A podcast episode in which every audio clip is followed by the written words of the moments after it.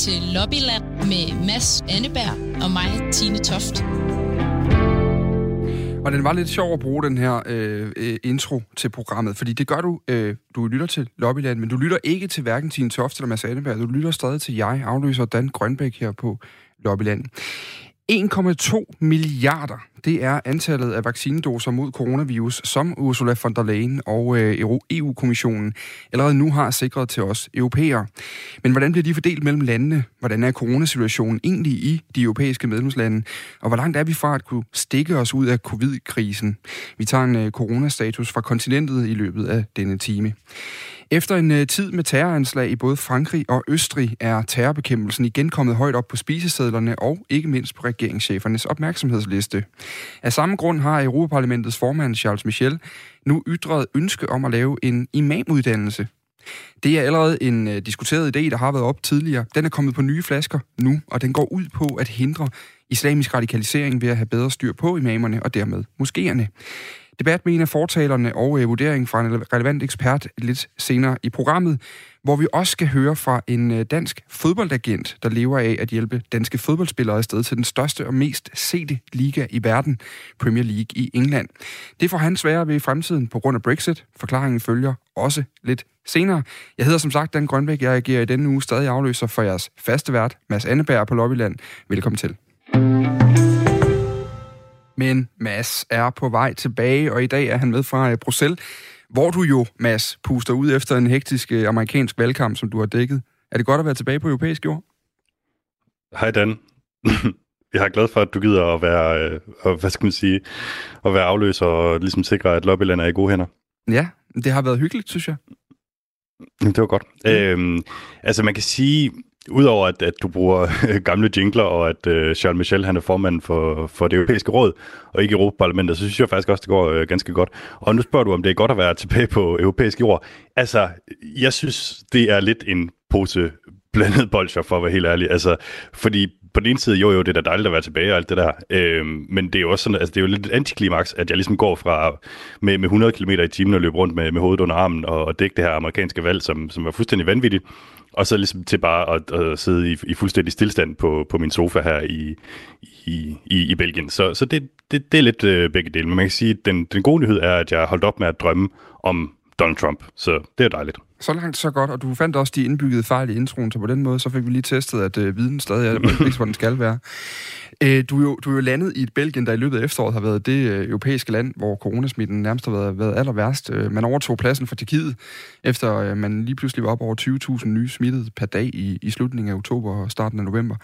I Danmark, der kunne vi jo så læse artikler om overbelastede sygehuse, om øh, ekstremt høje smitterater blandt sundhedspersonale og rigtig meget andet. Hvordan, hvordan er situationen egentlig i Belgien på nuværende tidspunkt? Jamen altså, hvis jeg sige, før jeg lige svarer på det, øh, så kunne jeg godt tænke mig bare lige hurtigt at vende, hvad det egentlig er, der er gået så galt for, for, for Belgien. Altså, hvis du har 750-800 belgier samlet øh, et eller andet sted, så er, det så er der en af dem, der er død af coronaviruset. Det, det er 10 gange så mange, som der er i Danmark.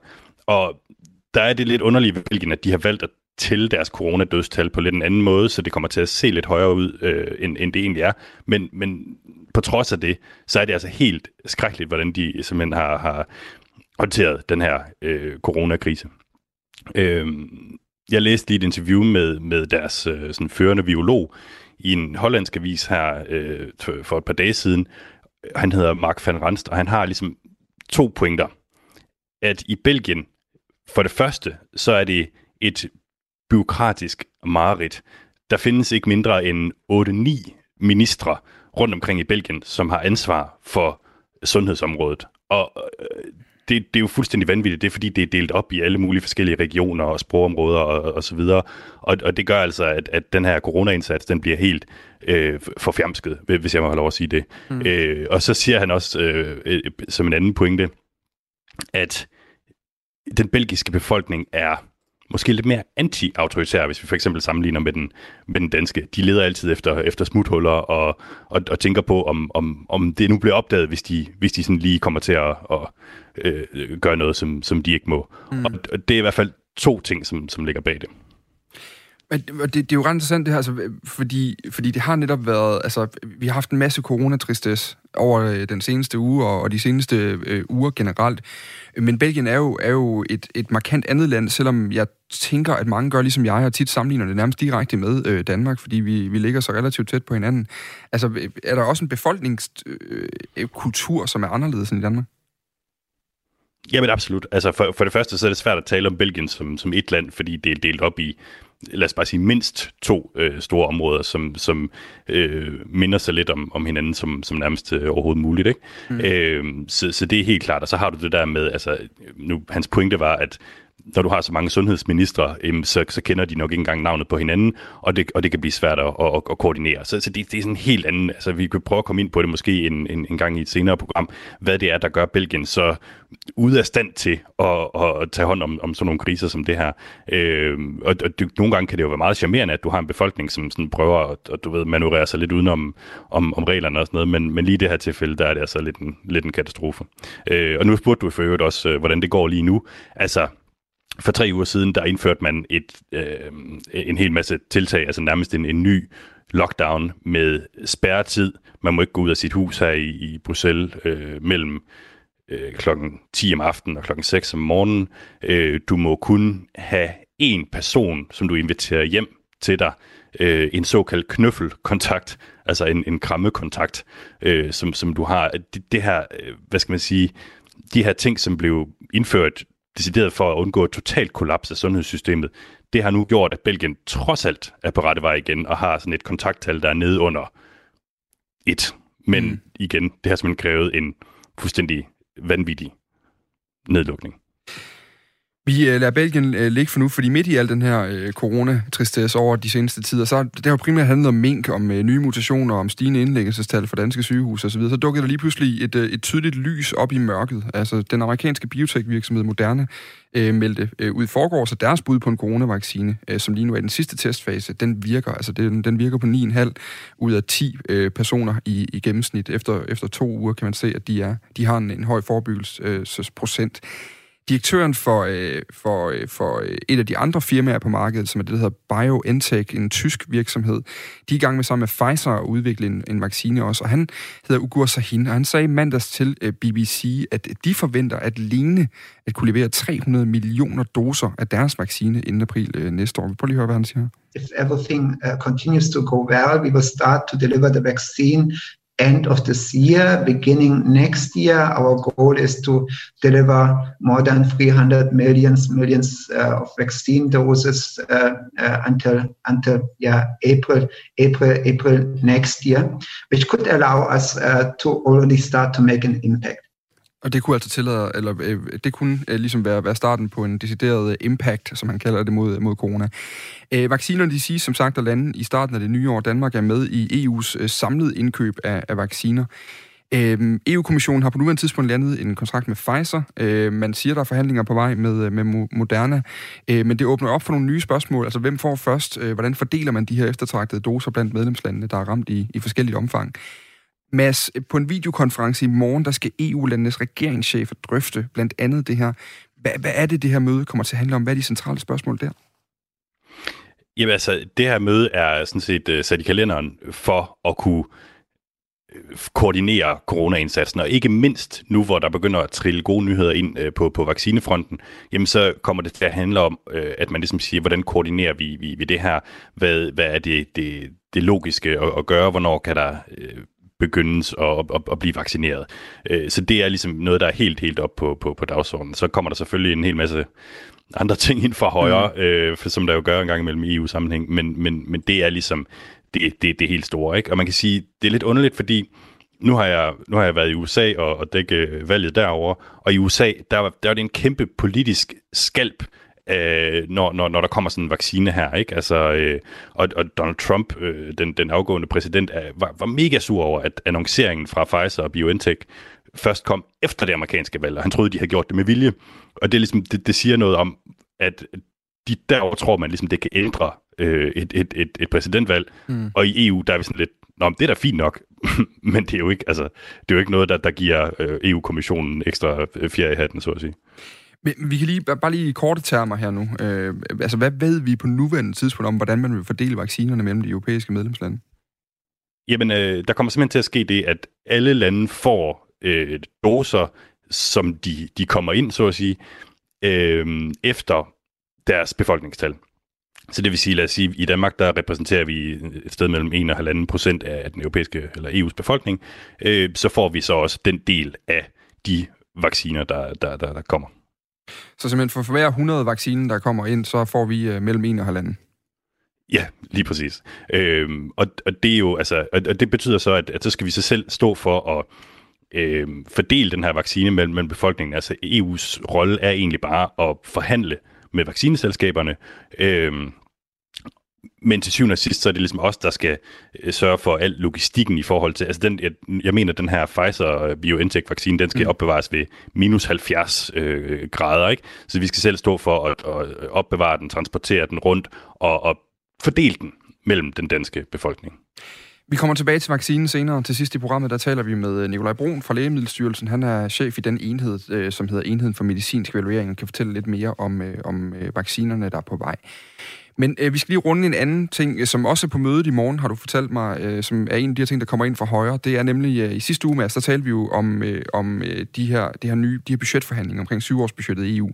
Og der fortalte vi om, at Ungarn og Polen troede med at, at blokere vedtagelsen af det budget, fordi det jo også stiller krav om, at medlemslandene skal overholde EU's retsstatsprincipper, for at de i det hele taget kan modtage øh, midler. Der går nu øh, øh, forlyden om, at Ungarn og Polen er gået lidt videre fra bare at rasle med sablen til at decideret at begynde at hugge ud. Altså øh, øh, kort, hvad, hvad er status på det lige nu? Jamen det er de i høj grad. Altså nu har øh, Ungarn og, og Polen officielt, det var på et møde i, i mandags, sagt, at øh, de nedlægger veto mod den her kæmpe, kæmpe budgetaftale, øh, som jo skal begynde at virke fra 1. januar. Og det er en kæmpe katastrofe for, for EU, øh, kort sagt. Altså det betyder simpelthen, at, øh, at, at alle de der ting, som, som skal til at i gang nu, og som i forvejen kører øh, lidt på, på de sidste damper, øh, dampe, jamen det, det kan ikke komme i gang lige nu. Og, og man kan sige, at EU-systemet er en lille smule i, i panik over, hvordan man skal håndtere øh, den her situation. Mads, øh, vi skal lige forlade øh, de her øh, emner nu, fordi lurer mig, om der ikke følger mere dækning af den historie øh, i Lobbyland over de kommende uger, når du er tilbage på pinden, og, og, og ikke råder rundt i termerne og titlerne på de forskellige mennesker øh, dernede. Men jeg har jo brugt den her aflyserchance til at proppe noget fodbold ind i dit EU-program, øh, fordi øh, Brexit jo øh, vigtigst af alt også betyder noget for mit stofområde, nemlig den, øh, den europæiske fodbold. Ja, det har jeg godt lagt mærke til. Og det synes jeg, det synes jeg er mega fedt. Altså, fodbold er ikke noget, jeg har dyrket så meget i, i, i Lobbyland, men, øh, men det er sikkert noget, folk godt kan lide. Ja, det, det, det, det er jeg i den grad skrive under på. Og øh, vi skal lige have sidste del af følgetongen om øh, verdens største fodboldliga, den engelske Premier League, som altså også frygter Brexit øh, næsten lige så meget som øh, baconproducenter og fiskere. Fordi øh, lige nu der løber der otte danske fodboldspillere rundt i den øh, bedste engelske fodboldrække. Øh, landsholdsspillere som Kasper Schmeichel, Pierre Emil Højbjerg Andreas Christensen, såvel som øh, relativt ukendte øh, folk som Oscar Bur Rasmussen og Lukas Jensen. De har alle sammen fået deres arbejdstilladelse til England, fordi Danmark og England sad ved siden af hinanden i EU, og indtil nu jo har tilladt øh, borgerne at bevæge sig frit rundt mellem landene. Det slutter som øh, bekendt, når Storbritannien den 31. december udtræder EU. Øh, den her såkaldte transitionsperiode, den ender øh, der. For med transitionsperiodens ende, så er det også slut med arbejdskraftens fri bevægelighed, tyder det på, ind over de britiske grænser, og dermed også tid til en ny virkelighed for de danske fodboldspillere, der drømmer om øh, store penge, syngende fans og mudrede onsdagsbaner i eksotiske egne som Stoke, Brighton og Newcastle upon Tyne. Michael Stensgaard, han har selv spillet i Liverpool og Southampton som målmand tilbage i 90'erne. I dag er han øh, jurist og spiller igen med flere klienter i Englands bedste fodboldrækker, og lige nu der sidder han og hans kolleger og forbereder sig til en virkelighed, hvor danskere er ligestillede med kinesere, afrikanere og sydamerikanere, når de søger arbejdstilladelser i England. Vi følger selvfølgelig udviklingen. Øh, det er svært at gøre nogle konkrete tiltag, før vi egentlig kender, hvad, øh, hvad de forskellige øh, regler vil sige. Det kan jo, som du siger, det kan jo være en, en fuldstændig hård øh, metode, og vi kan finde en, en mellemvej og så videre. Så, så derfor er det, er det svært for os decideret at gå ud og sige, jamen, hvad er egentlig impactet af det? Øh, men det impact, der kommer, det er selvfølgelig, at vi, vi, vi sidder og siger, jamen, er det overhovedet muligt at sende, sende spillere over, som, som ikke bliver landsholdsspillere og, og får hele den del at sige, jamen så er vi jo øh, ude i, i den almindelige del. Du kan sige, at vi arbejder jo, vi kender jo til reglerne, når vi sidder og arbejder på, på spillere, som ikke nødvendigvis er vores. Det er jo sådan, at fodboldagenter kan arbejde på to måder. Øh, vi kan dels hjælpe vores egne spillere, det vil sige dem, vi lige har kontrakt med. Det er jo typisk øh, skandinaviske spillere eller, eller spillere fra EU. Øh, men der kan jo også godt være en spiller fra, fra øh, nogle andre kontinenter, som, øh, som godt vil, øh, vil til når vi har gode kontakter der, så kan der være andre agenter, der spørger. Så der kender vi jo allerede lidt til, til reglerne i forhold til, hvad, hvad kræver det egentlig for at få en, en, en ikke-EU-spiller ind i England. Og, og det er da klart, at vi sidder der og siger, det er jo markant sværere, og, øh, og det forringer jo øh, Premier League, men også de lavere rækker i England øh, gevaldigt, hvis de øh, ikke kan, kan få de spillere udefra. Så, så jo, vi følger bestemt med øh, i forhold til, hvad der, hvad der sker på, på den del. Lige nu, øh, lidt tidligere talte jeg med Dr. Borja Garcia fra Loughborough University, som, som forsker i lige præcis øh, de her områder. Han siger, jamen, men lige nu ser det ud til, at der er ikke noget, der peger mod, at, øh, at, at der kommer en meget, meget blød ordning for, for fodboldspillere øh, frem for sygeplejersker og alle mulige andre. Så, så hvis man taler om det her scenarie, hvor, øh, hvor man gør det, at, at fremover så skal øh, de spillere, der nu er EU-spillere og kan rejse ind og ud af England, som de har lyst, fremover skal de leve op til de samme vilkår, som ikke EU-spillere skal i dag. Hvad vil det så betyde for, øh, for den danske fodboldspiller, der gerne vil til England? Nå, det vil jo betyde, at nogle af de spillere, som, øh, som løber rundt over i, øh, i dag, øh, men øh, fremadrettet, så vil, vil den type ikke kunne komme ind, fordi de ikke overholder øh, de, øh, de krav, der egentlig stilles til, at en landsholdsspiller skal komme ind. Øh, der er jo masser, som har fået rigtig god succes øh, i engelsk fodbold, hvor de er kommet over, hvor de ikke har været store stjerner øh, og udviklet sig undervejs derover. Det er jo øh, fremadrettet øh, bliver rigtig svært at have med at gøre. Så, øh, så det vil have en, en rigtig stor impact. Det er klart, den allerbedste spiller i verden, og skulle vi finde sådan nogen i Danmark, jamen så har de jo ikke de store problemer. Men det er mere for det segment, som, som ligger øh, lige uden for landsholdet og ikke rigtig kommer ind. Det, øh, den er lidt svær. Vil det, være, øh, vil det være et problem i det hele taget? Altså... Jamen det er jo klart, hvis, hvis ikke at, at England kan få de spillere ind, vi må jo sige, at, at der er en årsag til, at der ikke øh, løber øh, 11 engelske spillere rundt på banen hver evig eneste uge. Det er jo fordi, at, øh, at Premier League er jo blevet et samlingspunkt for mange af de bedste, også fordi de betaler nogle af de højeste lønninger. Øh, og det vil sige, at, at nogle af de spillere, der kommer derover, øh, er selvfølgelig øh, bedre end de engelske. Og, øh, og det gør selvfølgelig, at man kan sige, øh, at Premier League vil, vil få svære ved at bibeholde sin, sin, øh, sin høje øh, kvalitet. Og det er jo det, folk rundt omkring øh, jo betaler de mange penge for i forhold til tv-aftalen. Det er jo netop for at se de bedste spillere, som, som løber rundt i, i hvert fald de, de øh, 7-8 største klubber, som jo har øh, verdensklassespillere. Så, øh, så det vil bestemt have et, et impact, øh, så frem at der ikke bliver fundet en, en løsning. Sådan lød det altså her fra øh, Michael Stensgaard, der er øh, spiller spilleragent, som sagt, og altså har blandt andet har flere klienter, der spiller i, i den, den klub, der hedder Brentford, der er i den næstbedste engelske række derovre. Mads, du er stadig lige med på linjen her nu, og nu skal jeg jo nok sørge for at smutte ud af det her program og tage mit fodbold med mig. men inden da, der skal Danmark jo faktisk i aften spille en relativt vigtig landskamp mod Belgien i Løven. Og jeg kunne jo se på sociale medier, at Danmarks Radio, som sender kampen i fuld længde uden musik, hurra i øvrigt for det, øh, bruger deres EU-korrespondent Ole Ryborg som sidelinjereporter, fordi han jo er i Belgien, og de ikke sender sportstyper derned til sådan nogle krigszoner lige i øjeblikket. Hvor, øh, hvor skal du se kampen i aften? Jamen, den tror jeg, jeg skal se øh, fra min sofa, øh, ganske apropos, øh, på, på, på belgisk øh, tv her. Øh, men øh, sig mig lige en gang, skal Ole Ryborg være ligesom øh, radioreporter, eller er det på tv? Han skal være radioreporter. Simpelthen øh, Andreas okay, okay. Kravl sidder og kommenterer den hjemme fra Danmark. Øh, sammen med en ekspertkommentator, så er det simpelthen Ole, der skal levere reaktionerne fra sidelinjen. Jeg tænker, der må okay, komme ja. nogle gode spørgsmål ud af det. Ja, men det tror jeg desværre ikke, du kan få mig til den her omgang, men, øh, men, men det lyder rigtig spændende. Det tror jeg det nærmest, jeg vil uh, tune ind på. Yes. Nå, Mads Anneberg, han er tilbage i værtsstolen i næste uge øh, på Lobbyland, øh, og det glæder vi os alle sammen til, Mads. Jamen, det gør jeg også. Og så skifter vi ellers øh, stemning fra øh, det her med fodbold og øh, corona til øh, nogle øh, lidt andre emner nu.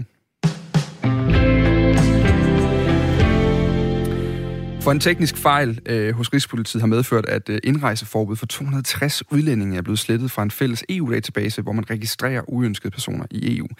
Det betyder, at de her 260 mennesker frit har kunne rejse ind i EU, selvom de har haft forbud mod at rejse ind i Schengen-området.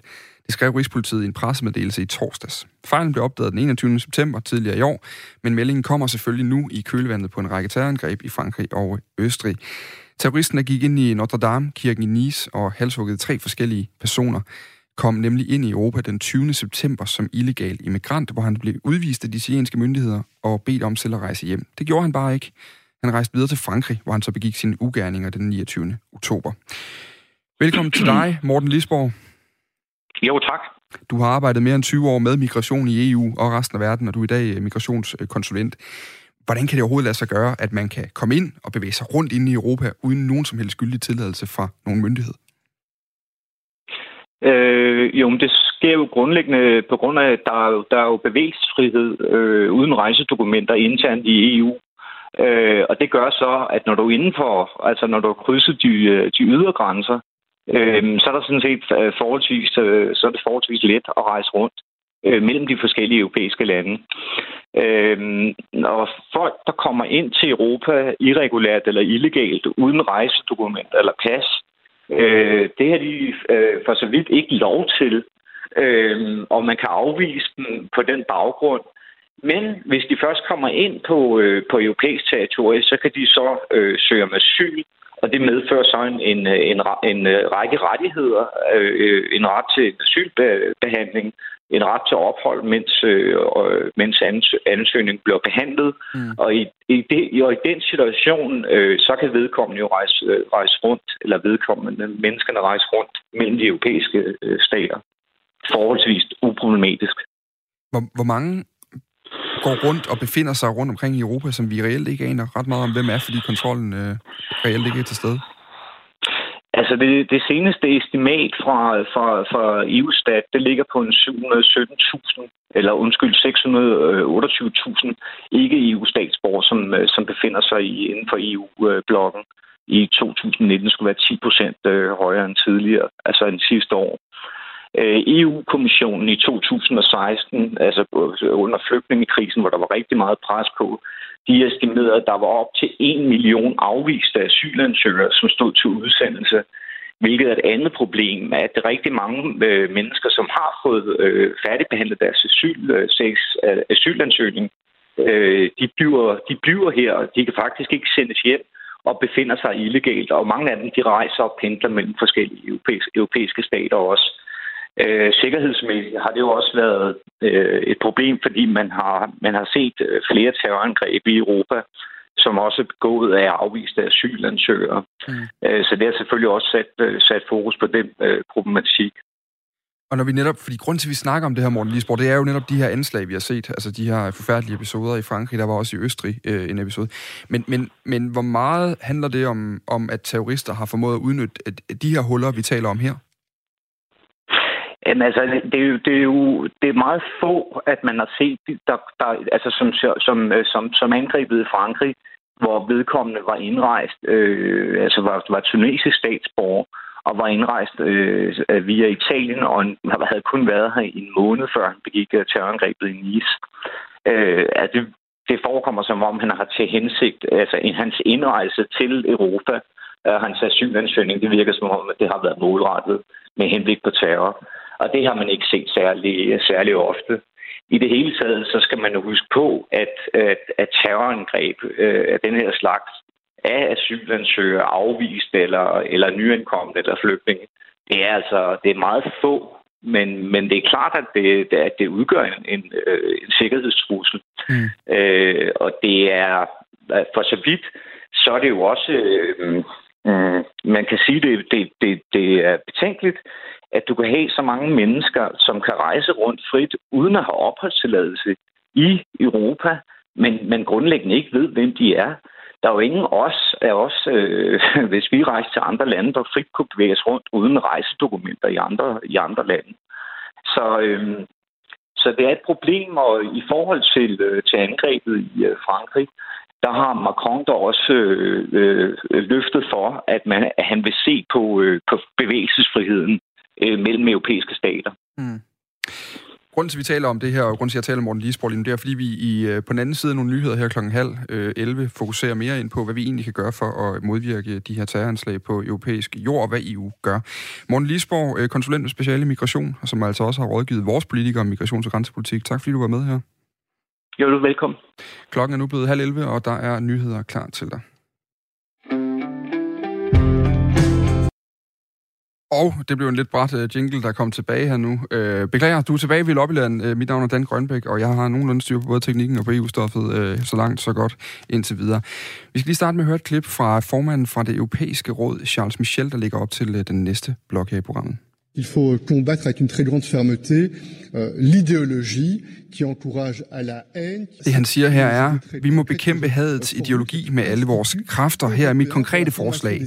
Vi må bygge et europæisk institut til uddannelse af imamer i Europa. Vi skal sikre os, der ikke er nogen straffrihed på internettet, når der deles budskaber, der forhærliger terrorisme. Vi skal hurtigt kunne slette den slags beskeder. Der er adskillige forslag på bordet, og jeg håber, de kan blive vedtaget og træde i kraft i slutningen af året avant la fin de l'année sur ce sujet pour que ce soit euh, opérationnel. Som Morten Lisborg nævnte tidligere lige før øh, nyhederne, så er det de færreste terrorister, der kommer ind udefra som migranter. Langt de fleste de er født og opvokset i Europa og sidenhen blevet radikaliseret samme sted. Derfor foreslår formanden for rådet, Charles Michel, altså, at man laver en imamuddannelse i EU for at imødegå truslen fra de radikaliserede muslimer. Nu skal vi tale med dig, øh, Tina Magård. Godmorgen, eller god formiddag. Ja. Morgen. Ja. Du er integrationskonsulent, Ph.D., forhåndværende lektor og øh, rådgiver for Integrations- og Undervisningsministeriet. Vil en øh, europæisk imamuddannelse kunne modvirke radikalisering, og så i sidste ende jo de her ekstremistiske terrorhandlinger, sådan som øh, den gode Charles Michel ønsker det? Øhm, altså, det er jo ikke sikkert, øh, fordi jeg tænker, dem, der vil søge sådan et institut, det er jo nok dem, som i forvejen øh, ikke prædiker øh, særlig radikaliseret, forestiller jeg mig. Øh, også fordi, at man skal lige huske på, at den her snak omkring en øh, europæisk eller en dansk, for den sags skyld, imamuddannelse, det er jo en gammel diskussion. Den var jo op for en 15-20 år siden, Øh, og jeg tænker, en del af de argumenter, eller det, det er godt lige at få frem også, hvorfor blev det ikke til noget, og hvad er det, man skal ligesom være klar på, hvis man vil lave sådan et institut, jamen hvad skal det indeholde? Mm. Hvad skal man undervise i, og hvem skal undervise, og hvem regner man med kommer? Øh, fordi det der nok, øh, når man spørger imamerne selv, er øh, sådan den gennemgående tråd, som jeg har oplevet, det er jo, at de vil sådan set gerne have egentlig pengene til rådighed, altså have, have finansiering, bygning og løn til de ansatte og sådan noget, men de vil gerne have sig frabedt, at europæerne, altså europæiske ikke-muslimer, begynder at blande sig i indholdet af undervisningen. Øhm, og så der har vi jo ligesom den, den første hurdle, Øhm, og det gælder jo både i forhold til radikalisering og i forhold til, hvad skal man sige, ligestillingsproblematikker, som vi også har haft op i Danmark i forhold til ægteskabslovgivning og sådan noget, ikke også? Altså, hvad vil man undervise i? Mm. Øhm, og, øh, og, og for eksempel, så nu har jeg jo lavet den her, hvad hedder det, måske undersøgelse øh, tilbage i 2011, øh, hvor altså imamerne jo egentlig samstemmende giver udtryk for, at altså det, det, som de synes, er, at islam er ikke en teologi, er der en af dem, der siger, at det altså, passer meget godt med, hvad de andre siger, hvor de siger, at islam er først og fremmest en lovgivning. Så der skal man jo i første omgang også beslutte sig for, hvad er det, man vil undervise i. Skal man undervise i europæisk ægteskabslovgivning og ligestillingslovgivning, øh, eller skal man undervise i den, islami, i den islamiske? Altså, hvad har man tænkt sig? Er det jurister, eller teologer, eller humanister, der skal, der skal stå for at for setup'et stå for at udvælge undervisere og sådan noget. Altså det, hver gang man taler om det her med en europæisk imamuddannelse, så når man aldrig længere. Altså man når aldrig til konkret at sige, hvem skal undervise, og hvad skal de undervise i. Og jeg tænker, altså jeg, jeg tror ikke, jeg tror godt måske, det kunne give et ståsted til nogle af de muslimer, som allerede øh, går ind for demokrati og sætter menneskerettigheder over en bogstavelig læsning af Koranen. Men jeg tror ikke, det vil øh, mindske radikaliseringen, også fordi, at, at sådan et institut kan faktisk bruges af de mere radikaliserede elementer til at sige, jamen prøv at se, europæerne, de vil øh, få os væk fra den sande islam, de fører jer direkte til helvede, det skal vi bekæmpe. Men som udgangspunkt, så kan man sige tankegangen om, at man vil øh, uddanne i europæiske værdier, man vil, man vil lægge et andet øh, sæt ind over, der også gør, at, at det ligesom passer ind, og man kan undgå den her radikalisering. Er den helt forfejlet? Altså, kan det overhovedet lade sig gøre? Jamen, uddanne i europæiske værdier. Altså, når jeg tænker på de imamer, jeg har talt med, så var de meget, meget bevidste om europæiske værdier. De kendte udmærket godt de her værdier, og, og, og en del af deres virke handlede jo netop om at præge de unge til at sortere. Altså, det vil sige også til at fravælge nogle ting i de her værdier og normer, som præger de øh, europæiske samfund, og også en gang imellem lovgivningen. Altså, de så jo meget deres mission som at beskytte de unge mod nogle af de her værdisæt, så det er forfejlet at tro, at imamerne ikke kender til europæiske værdier og normer, fordi det var i hvert fald mit indtryk, da jeg var ude i øh, rigtig, rigtig mange museer og lavede feltarbejder, at, at de godt kendte og faktisk de mere konservative og endda radikaliserede miljøer, det var faktisk der, jeg fandt de mest veluddannede unge mennesker, som underviste på dansk, øh, var uddannede lærere eller havde en Ph.D. fra universitetet, var rigtig dygtige undervisere, altså brugt, kan man sige, moderne pædagogiske metoder, fordi nogle af dem var jo som sagt lærere, eller de havde været på adjunktkurser og undervisningskurser på universitetet. Så de var super dygtige til at formidle et budskab, der netop handlede om, øh, at man skulle fravælge en del af, af, af nogle grundlæggende europæiske værdier og normer. Så vi har egentlig i forvejen en, en gruppe relativt godt uddannede imamer? Altså også i ja. europæiske værdier, kan man sige? Ja, ja, og de kender jo de værdier, men det betyder jo ikke, at de går ind for dem. Så det, det, altså, det er meget naivt. Altså, det, det er jo sådan nærmest en 80'er tilgang til det, ikke også? For dengang det var relativt nyt med imamer i Europa, der er det rigtigt nok, der var der jo nogen, der ikke så godt kendte øh, europæiske normer og værdisæt og lovgivning. Men det er slet ikke der, vi er i dag.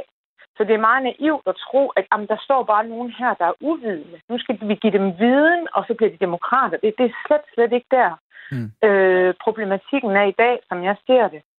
Tine øhm, noget af det, man ja. også diskuterer det, det er jo, der er jo en del imamer, vi hører jævnligt historier om imamer, der, der flyves ind fra udlandet, øh, som prædiker i europæiske moskéer, som ovenikøbet er finansieret af, af stater, vi ikke øh, på den måde synes, vi deler værdisæt øh, med der er det her det er jo også en, en ting, hvor man siger, jamen, øh, hvis du har den europæiske imamuddannelse, så, så har du også certificeret til at prædike i, i islam i Europa. Så det vil jo også kunne hjælpe med at holde nogen ude, som man ikke mener øh, er, er en del, eller man ikke har lyst til at skal være en del af, af det, det, det islamiske miljø ja. i Europa. Er, er det en... Jamen, jeg, jeg, tror, jeg tror slet ikke på, at det er de imamer, man flyver ind, som er problemet. Dem kan du bare høre på på internet. Og de er jo kun interessante i en menighed, hvis menigheden allerede er præget til at følge deres budskaber og tage imod deres budskaber. Øh, så det er jo ikke sådan, at der kommer nogen udefra, sådan øh, dumpende ned en gang imellem, og så lige giver et forkert budskab, og så sidder der nogle naive unge mennesker, som lader sig præge. Altså, det, man skal jo se på, hvad der sker i forvejen i de europæiske moskéer.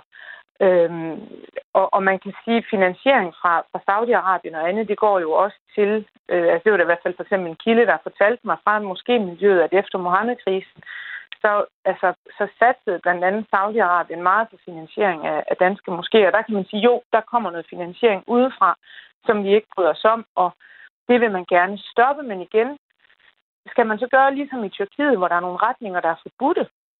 Altså fordi igen, dem der søger de saudiarabiske budskaber, altså jeg er slet mm. ikke sikker på at blive tiltrukket af en imam, som er uddannet på et øh, europæisk institut, og man skal igen, man skal også have afklaret, jamen hvad, hvad skal man undervise i? Skal det være sunni-islam, shia-islam, ahmadiyya-islam? For jeg spurgte jo faktisk, da jeg lavede min måske-undersøgelse, så spurgte jeg jo imamerne selv, hvad de syntes. Og sunni-imamerne var meget klare på, at shiaerne og ahmadiyyerne, de må ikke være med. Mm. Og det er jo det der med, at der er så mange retninger inden for islam i sig selv også, og det er vel også noget, man skal beslutte sig for, altså lige kort til sidst her, hvad det er for en ja, retning, man så vil prøve det er også derfor, det er faktisk svært at kommentere på, før jeg har nogle konkrete forslag til pensum, til undervisere. Ja. Hvor skal det ligge? Hvad skal det være? Og så længe de forslag ikke er der, så, så kommer vi simpelthen ikke videre. Og der er de her problemstillinger, jeg har nævnt, man er nødt til at tage stilling til først. Ellers er det simpelthen svært at kommentere på, faktisk. Tine Maggaard, øh, lige til sidst, nu prøver jeg lige at opsummere lidt, hvad du siger. Det er jo også noget, du siger noget med, at, der, at det, det er simpelthen en ting er, hvad, hvad delen, hvordan vil man overhovedet undervise i det her, og det andet, du siger, det er, at de imamer, vi, vi kunne anse som øh, problemimamer, for at bruge øh, en, øh, en grov term, øh, jamen de er i forvejen meget velvidende om europæiske kulturer og, og, og værdier, og på den måde så, så er det faktisk overhovedet ikke en ekstra uddannelse, der spiller ind på deres, øh, hvis de beslutter sig for at, at, at udsende radikaliserende budskaber. Det vil ingen, ingenting ændre for dem. Altså som sagt, det må måske give et ståsted for dem, der i forvejen er demokratisk indstillet, og som aldrig vil komme i nærheden af radikaliserede budskaber. Men, men de strømninger, vi har øh, med, med radikaliserede moskéer og miljøer, det behøver ikke nødvendigvis være i, i moskéerne. Altså, jeg er bare ikke sikker på, at det kommer til at flytte ret meget der. Det kunne være dejligt, hvis det gjorde, men jeg, jeg, jeg er bare ikke overbevist. Tina Magård, integrationskonsulent, øh, foranværende lektor og rådgiver for Integrations- og Undervisningsministeriet. Tak fordi du var med her. Det var så lidt. Selv tak. Og øh, så kan jeg så øh, åbne for en anden linje og sige øh, pænt goddag til dig, Karen Melchior. Kan du høre mig, Karen Melchior? Jeg kan godt høre dig. Kan du høre mig? Det kan jeg i hvert fald. Der er lidt forsinkelse på linjen her fra, øh, fra mig til dig, så vi må lige være, være gode ved hinanden i, øh, i interviewet her nu. Du er øh, medlem af Europaparlamentet for De Radikale, og som vi hører Tina Maggaard sige her, så er der ingen garantier for, at en såkaldt imamuddannelse vil forhindre radikalisering, sådan som man ellers ønsker det fra, fra EU's side. Hvorfor er det alligevel en god idé, at, at EU-landene påtager sig ansvaret med at uddanne imamer? Der er jo ingen garantier for noget som helst i livet. Jeg synes, at det er en god idé at have en europæisk drøftelse af det her, øh, som er forslaget fra formanden for rådet, den tidligere øh, premierminister for Belgien, øh, Charles Michel. Jeg mener, at øh, uddannelse skal være noget, vi vedtager nationalt, øh, inklusiv en imamuddannelse, så det er en diskussion, som vi skal have i Danmark. Og jeg synes, at det er vigtigt at have den her diskussion, fordi islam er europæisk, og at muslimer i Europa er lige så meget borgere i Europa som alle andre. Tyskland har nogle erfaringer øh, med det her. Man startede i øh, 2010 med islamstudier omkring, øh, øh, og man vil i Osnabrück næste år have en toårig øh, imamuddannelse. Og man har faktisk i Sverige allerede siden 2016 haft imamuddannelser. Så jeg synes, det vil være rigtig nyttigt netop for at få øh, den viden, som Tina Magård netop efterspørger, omkring, jamen, hvad skal der undervises i, hvordan vil det fungere med de forskellige sektorer, som der er inden for islam, og have en drøftelse på europæisk niveau, sådan så at vi kan øh, drage nytte af de erfaringer, som der er for de forskellige lande. Men øh, egentlig så er øh, kardinalpunktet, som vi hører Tina Magård sige, det er, hvad er det egentlig, man vil lære dem, som de ikke ved i forvejen? Hvad er det, du forestiller dig helt konkret, at imamerne skal lære på en eventuel imamuddannelse? Jamen, man skal, ligesom man lærer om kristendommen på teologi, øh, studiet på de forskellige universiteter i Danmark, jamen, så skal man lære om islam på et imamstudie. Øh, og jeg synes, det er vigtigt, at man har en uddannelse, som er i Danmark, øh, er i Europa, frem for at man rejser til, til udlandet øh, for at få en uddannelse i, øh, til at være imam. Og det er jo, altså som Tina Magård også sagde, det er jo ikke et spørgsmål om, om folk er, er veluddannede eller ej, men om at have en drøftelse og være funderet i det samfund, som man kommer til at prædike i. Men Tina Magårds pointe er jo netop, øh, og nu har jeg skrevet ned et citat fra hende, det er forfejlet at tro, at de ikke kender til europæiske normer og europæiske værdier, europæiske, europæisk kultur.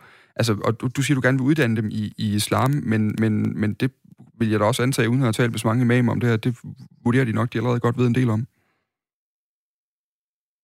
Der er forskel på at have fået en uddannelse i udlandet, øh, uden for øh, det land, hvor du er vokset op, og så komme tilbage øh, til det land, hvor du er vokset op og prædike der.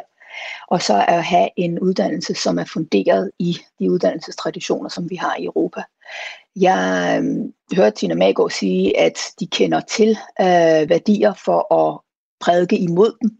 Øh, og jeg, det mener jeg ikke vil være det, som øh, en uddannelse, øh, som er funderet i Europa, vil, vil gå ud på, fordi der netop vil være den forståelse for hvor det samfund, som øh, uddannelsen er baseret i. Men, men hun siger jo meget tydeligt, at de har forståelse for det samfund, øh, uddannelsen i så fald er baseret i. De vælger bare at øh, prædike nogle andre værdier. Hvordan skal en uddannelse i, i de værdier, øh, vores samfund er bygget omkring, øh, hjælpe på det problem? Det skal ikke være en uddannelse i vores værdier, det skal være en uddannelse i islam. Men, men det, så, så, så må du lige hjælpe mig igen, fordi, fordi den, den har de nok allerede øh, ret godt styr på, ved at antage, når de, når de er imamer. Altså, hvad, hvad er det, vi skal give dem, som gør, at de ikke længere, øh, øh, at den del, som kan have radikaliserende budskaber i dag, at de frelægger de radikaliserende budskaber? Dem, som har radikaliserende budskaber i dag, de skal retsforfølges øh, for at opfordre til had og drab og terror, hvis det er det, som de gør. Øh, vi skal have en uddannelse, fordi at vi skal, ligesom vi har uddannelser til præster, øh, også bør have uddannelser til øh, imamer i Europa. Og jeg synes, vi skal tage øh, og tale med de lande, som har erfaringer med det, for at drage nytte af det, og så have en drøftelse i Danmark, om det her er noget, vi ønsker at have. Men, men så vil jeg gerne lige vende tilbage til, hvordan tror du så, at den her imamuddannelse kan forebygge radikalisering? Fordi det er jo det, der bliver talt om for Charles Michel i det her klip, jeg spillede før også, at, at det er jo for at, at, at løse den udfordring, at der, der er imamuddannelserne en del af det. Jeg mener, at de er en Imamuddannelserne er en del af at håndtere øh, radikalisering, ligesom en lang række andre redskaber, fordi at netop, at vi skal se på islam som en del af Europa, frem for noget, som er i modsætning til Europa, og det vil en europæisk, en national imamuddannelse være med til at bidrage til. Det er naturligvis ikke noget, der mirakuløst skal løse det hele, eller som er det eneste redskab, vi skal tage fat i i værktøjskassen, men det er en del af løsningen, og det er den debat, vi jeg synes, vi skal have på europæisk niveau. Tina Maggaard, en af hendes pointer er jo også, at, at den her øh, europæiske imamuddannelse kan nærmest blive øh, en, en, en modsatrettet øh, ting i forhold til det, der er, er, er målet med den. Altså netop, at det er noget, man, man i islam bruger som et argument for, at vi prøver at pådute øh, dem en, en, en læsning af islam, eller i hvert fald en, en, øh, en værdibaseret europæisk islam, kan man sige. Øh, det er alternativ. Frygter du ikke, at det netop kan blive noget negativt, man kan tage afstand fra? Der er mange retninger i forskellige religioner, der er det også inden for kristendom. Øh, jeg ser ikke, at det er øh, en frygt, som vi skal øh, tage så alvorligt, at øh, der er nogen, som stiller sig imod det. Det er lidt ligesom dem, som stiller sig imod øh, forskellige europæiske værdier, som Tina Maggaard også nævnte. Mm. Jeg synes, at en europæ- altså europæisk baseret imamuddannelse vil give et alternativ til at drage til udlandet og så komme hjem for at prædike det er en drøftelse, vi skal have. Der er mange detaljer, som er klaret, så derfor så synes jeg, vi skal øh, begynde drøftelsen om det. Vi har, vi har jo hørt historier løbende, og det er også det, jeg lige talt med kort Martina Tina om det her med, vi har jo hørt historier om, øh, om moskéer i Danmark, øh, i Europa, som er finansieret af stater, øh, som vi ikke forbinder øh, med samme værdisæt, som vi selv øh, lever efter i vores del af verden.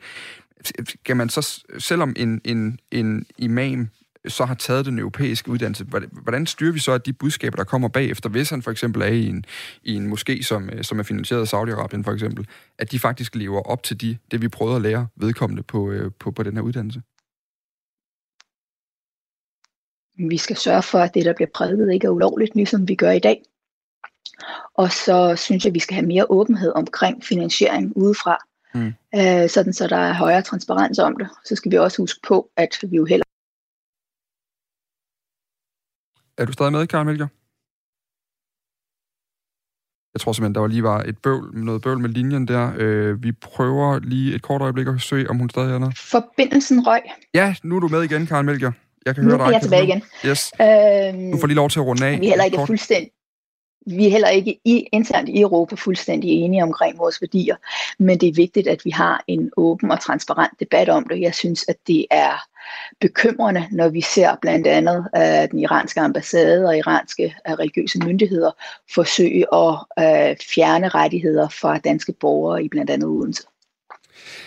Det var ordene fra Karen Melger, fra, som er Europaparlamentsmedlem for øh, de radikale, og som altså var med her til øh, diskussionen om, øh, om øh, den her imamuddannelse, øh, som man gerne vil kigge på. Det er altså et forslag, der er kommet øh, fra Charles Michel, som er øh, formand for øh, det europæiske råd, og øh, tidligere øh, belgisk øh, premierminister. Tak fordi du var med her, Karen Melger.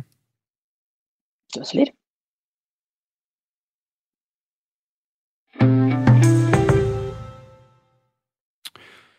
Og nu skal vi tilbage til øh, coronasituationen, og øh, vi skal lige opdatere os på, hvordan det egentlig går med alle de øh, vacciner, der meldes øh, klar for tiden. Nu skal vi sige øh, velkommen til dig, Nikolaj Brun. Øh, tak skal du have. Du er enhedschef for øh, medicinsk evaluering og biostatistik hos Lægemiddelstyrelsen. Øh, din enhed, og nu må du rette mig, hvis jeg siger noget forkert her nu, men din enhed varetager den medicinske og statistiske evaluering af de nye lægemidler, samt general medicinsk og, og statistisk evaluering. Blandt andet også de her nye vacciner, er det ikke korrekt? Jo, øh, der vil det jo så foregå i samarbejde med vores gode kolleger i Europa, mm. øh, og det bliver ledet af det europæiske lægemiddelagentur EMA. I går der landede EU endnu en vaccineaftale, og det er jo sådan nogle nyheder, vi elsker at høre i de her dage, hvor vi alle sammen øh, går og, og, og lider lidt under coronarestriktioner og alt muligt andet. Dermed så er øh, det europæiske samfund op på at have øh, 1,2 milliarder doser øh, forudbestilt nu. Mm, en ting er, nu hørte vi fra Mads Anneberg, vores EU-korrespondent øh, og fast vært på det her program tidligere, at det bliver fordelt øh, mellem medlemslandene efter en, øh, en nøgle, der ligesom er, øh, hvor mange øh, indbyggere der er i det enkelte land. Men øh, hvem, hvis vi kigger på personniveau, kommer først til at få de her vacciner? Ja, det, det er desværre ikke mig, du skal spørge om det. Det er Sundhedsstyrelsen, der er ansvarlig for udrulningsstrategien. Øh, vi rådgiver øh, selvfølgelig Sundhedsstyrelsen i det, og, og vores rådgivning vil jo afhænge af de data, som firmaerne sender ind øh, med henblik på en markedsføringsansøgning. Så den rådgivning, vi vil have med henblik på udrulning, den vil i høj grad øh, være dirigeret af den effekt og sikkerhed, som firmaerne er i stand til at demonstrere i de studier, øh, som de sender ind til os. Og når de er, i øjeblikket, der hører vi om vacciner, som er i sidste testfase, eller i testfase 3, øh, og vi hører om, om gode resultater, om gode forebyggelsesprocenter osv.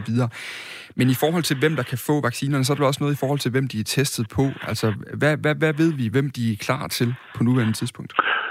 Jamen altså, vi ved jo, at, at nogle af firmaerne har jo offentliggjort deres studieprotokoller også for fase 3. Og vi ved, at de medtager voksne over 18 år, det vil sige, at der er ikke børn med. Man starter ikke med at undersøge børn. Øh, men det vil sige, at de har, de har undersøgt voksne over 18 år, øh, og øh, de har alle sammen taget øh, voksne med i fase 3-studierne uden øvre aldersgrænse, og det vil sige, at der er en, en stor del, som også vil inkludere den ældre aldersgruppe. Hvor mange, det ved vi jo ikke endnu. Det skal de jo vise, hvor mange det så har lykkedes at få med. Øh, men de har også medtaget folk med det, de kalder stabil kronisk sygdom. Og det vil sige dem, som øh, lider af en eller anden sygdom i forvejen. Så, øh, og hvordan, fordi man kunne godt tænke, nu siger du, der er ikke øvre aldersgrænse på, hvor man tænker, det er jo netop, øh, der har hidtil været snak om, at, at det gav god mening at vaccinere øh, ældre og, øh, og folk i risikogruppen, altså øh, kronikere øh, på en eller anden måde først. Altså, hvor meget, øh, kan du komme lidt dybere ind i det, hvor meget er det testet på netop de grupper? Jamen, det, skal, det, det, det ved vi jo ikke endnu, fordi ja, vi har set protokollen, hvor at de øh, beskriver øh, deres intentioner om også at tage de ældre med. Øh, men vi kan ikke drage nogen konklusioner, før vi har set data. Ligesom på effekt- og sikkerhedssiden, så skal vi jo se, hvad er det så lykkedes dem at rekruttere, øh, hvor mange har de med i de forskellige aldersgrupper, hvor mange er der kommet med i de forskellige øh, kroniske sygdomskategorier, øh, og det vil jo så også øh, give en rettesnor øh, for, hvilken slags tilladelse tilladelse de får, hvilken markedsføringstilladelse de får, mm. øh, fordi den vil altid være datadrevet. Det vil sige, at vi giver øh, sammen med vores europæiske kolleger en markedsføringstilladelse med nogle klausuler på, øh, og de klausuler vil øh, være meget, meget afhængige af det datasæt, som firmaet sender ind fra deres fase 3-studier. Og jeg vil godt understrege, at de pressemeddelelser, vi har set, ja, de er positive. Det er mm. rigtig godt. Men vi kan som myndigheder ikke rigtig reagere på en pressemeddelelse. Vi er nødt til at se et fuldt datasæt. Øh, så, så, så derfor så, øh, er vi lidt mere tilbageholdende med jublen, øh, før at øh, indtil at vi har, faktisk har set øh, de her data, sådan, så vi, vi ved, hvad både fordele og ulemper er. Det er vi nok relativt mange, der er relativt glade for, at det ikke foregår på baggrund af presmeddelelser, øh, det der foregår lige nu. Vi kan sige, vi har her på programmet kontaktet Sundheds- og Ældreministeriet faktisk for at spørge ind til den her vaccinationsplan, og de skriver til os i en skriftlig kommentar, at Sundhedsstyrelsen er ved at lave et fagligt oplæg til en politisk beslutning om en plan for vaccination mod covid-19. I det arbejde, der indhenter de rådgivning fra Lægemiddelstyrelsen og Statens Serum Institut samt en række andre aktører, og det er regeringen, der beslutter den endelige vaccinationsplan. Der arbejdes intens på sagen, så planen kan være klar til udrulning, når de første vacciner er godkendt og klar. Den endelige plan herunder fastsættelse af, hvilke målgrupper, der skal tilbydes de første vacciner, vil først kunne fastlægges, når vi har flere data for de vacciner, som modtages først. Det flugter jo rigtig godt med, med det, du siger her, Nikolaj Brun også. Lige præcis.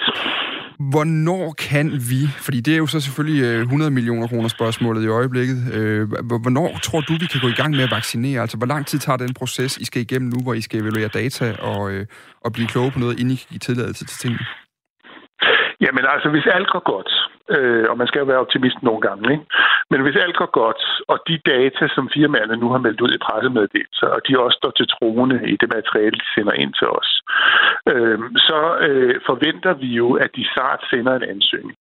Øh, og når de sender en ansøgning, øh, så kan vi øh, øh, heldigvis sige, at vi står klar til at modtage den sammen med vores europæiske kolleger, og de vil blive behandlet så hurtigt det overhovedet kunne lade sig gøre. Så mit håb øh, er da, at vi kan se de første vaccinerede øh, i Danmark i løbet af det første kvartal næste år. Vi hørte øh, tidligere et klip med øh, direktøren for den tyske biotech-virksomhed, der hedder BioNTech. Han hedder Ugur Sahin, hvor han sagde, at det vigtige, han siger blandt andet også, at det vigtige det er jo, at vi kan gå i gang med at vaccinere øh, i løbet af næste forår og sommeren også, så vi kan være klar til næste vinter og forhåbentlig kan have noget, der minder om, om normale tilstanden der. Hvornår er dit bud? Altså, tror du på den her idé om, at vi kan have normale tilstande næste vinter igen? Altså, det vil jeg da håbe. Altså, det afhænger jo af udrulningshastigheden, og det afhænger af, af at vi får vaccineret de særligt sårbare grupper, at vi får vaccineret vores frontlinjepersonale, og vi får vaccineret alle dem, øh, som er i risiko. Øh, så så øh, det er da absolut det samme håb, øh, jeg har. Øh, men, men, vi skal, men vi skal selvfølgelig øh, kunne se data på vaccinerne først, og det vil jo så afgøre den rådgivning, vi giver til Sundhedsstyrelsen med henblik på udrulningshastighed. Nikolaj Brun, enhedschefen hos øh, Lægemiddelstyrelsens øh, enhed for, øh, for medicinsk evaluering og biostatistik. Tak fordi du var med her. Selv tak. Hej du. Og så nåede vi øh, vejs ende for øh, min afløserchance her på programmet. I næste uge er Mads Anneberg øh, kommet hele vejen hjem til Danmark og proppet ind i et øh, radiostudie. Programmet i dag var tilrettelagt af en Amri Pur, og jeg selv, redaktør i den del af Bæksen, hedder Lene Jul Brun. Og der er nyheder her til dig